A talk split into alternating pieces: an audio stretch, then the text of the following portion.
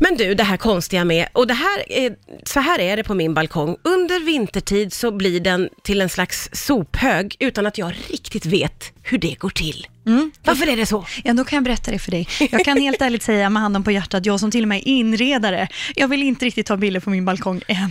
Jag har Nej. samma sak. Jag tror att det beror på att, speciellt med balkonger, att man kanske bor i lägenhet, har inte så mycket extra utrymmen.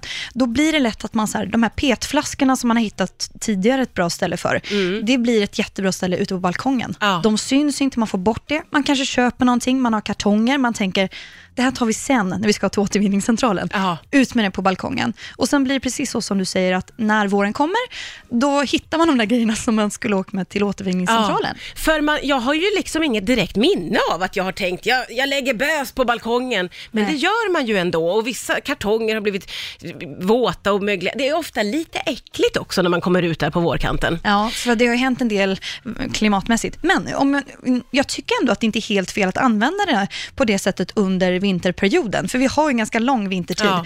Eh, Men man kan ju skaffa schyssta förvaringar, så att det ändå liksom, man gör ordning det praktiskt, så att under vintern så kan man faktiskt ha att man kan lägga petflaskor och sånt, men man gömmer undan grejerna så att det liksom blir lite mer struktur. Då är det roligare att ta hand om det sen på våren. Det tycker jag är ett knep. Nu kom det en sån här light bulb moment till mig som Oprah pratar om. Att Ja. man kan ju också vintergöra i ordning balkongen då och ha... Okej, det här får vi prata om i höst. Vilken otrolig Mindblowing. Ja, Ja. Mm. mindblowing. Eh, men okej, då får man ju bara helt enkelt städa ur och egentligen tömma. Eller vad, hur börjar man med sitt balkongarbete? Ja, töm så mycket som möjligt så att du har liksom en clean grund. Sen kan det vara schysst efter allt slask och trask att man liksom tar bort lite grus och annat äckel som kan vara, så att du har liksom en bra start för balkongen. Sen är det dags att pynta upp den och jag tänkte vi ska prata om en liten stund om hur du ska tänka. För att många väljer bara att ha liksom bord och två stolar, men du kanske aldrig sitter på balkongen och äter, utan du vill ha en liten loungehörna. Ja, då är det precis det som du ska fixa Ah. till. Eh, Om vi börjar först med att prata om att, hur göra det mysigt, eh, då har jag några saker. Dels en matta. Mm. Det finns jättebra utomhusmattor och oftast är golvet, eller liksom det som man har utomhus, väldigt kallt och tråkigt på balkongen. Ja. Så investera i en matta, där kan man hitta lite fina mönster eller annat. Då blir det liksom ett lyft och du behöver inte ta på dig skorna varenda gång du ska Nej. gå ut. Det blir lite varmare. Ja. Matta är en sak. För att göra mysfaktorn mer, kuddar definitivt. Eh, det finns dels kuddar som har bra material så att du kan ha kvar dem under liksom natten och sådär. Annars kanske du kan göra det extra besvärligt att liksom in och ut med det. Mm. Plädar är en annan sak. Sen finns det så mycket fina lampor.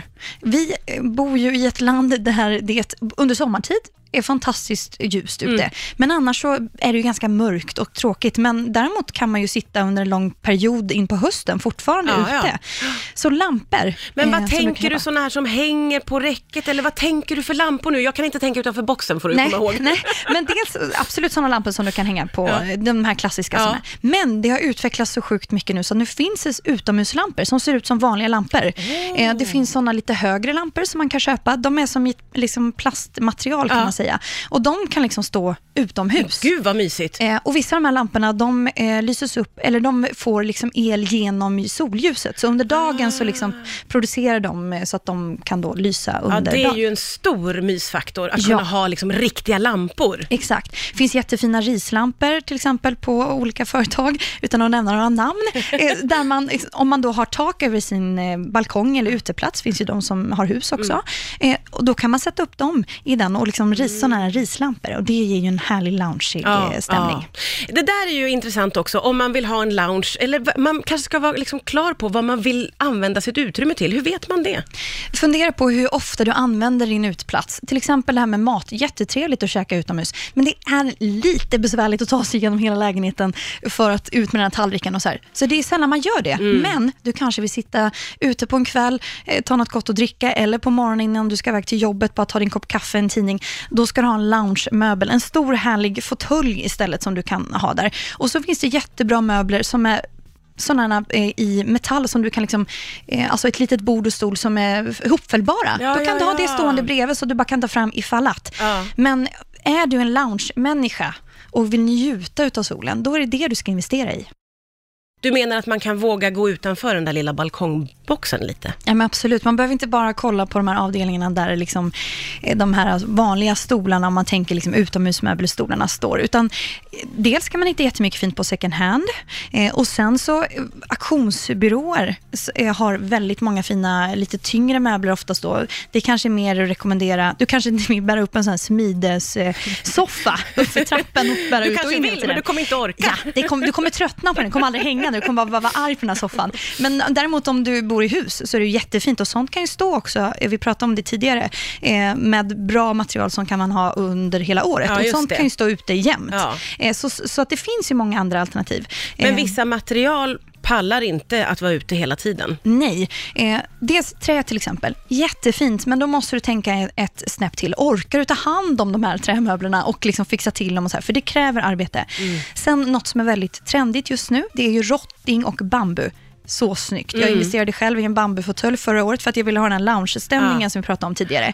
Men den får jag gå, liksom bära ut och in när jag såg att det skulle regna, för de tål inte regn. Eh, Och då Nej. får man ju vara med på att man ska orka göra det om man vill att den ska vara fin. Exakt. Ja. Men ett tips då, då, om man ändå känner att jag vill ha de där möblerna, så då kanske du har en, en liten lucka inne i din lägenhet och då kan du bara ställa den där, för de är ju jättefina att ha även inomhus. Ja. Ja, men en vacker möbel är ju en vacker möbel. Exakt, oavsett vart du har den någonstans. Så att man måste tänka lite så här, hur funktionell vill jag vara och vill jag ha det lilla extra, då kanske man måste engagera sig lite mer också. Mm.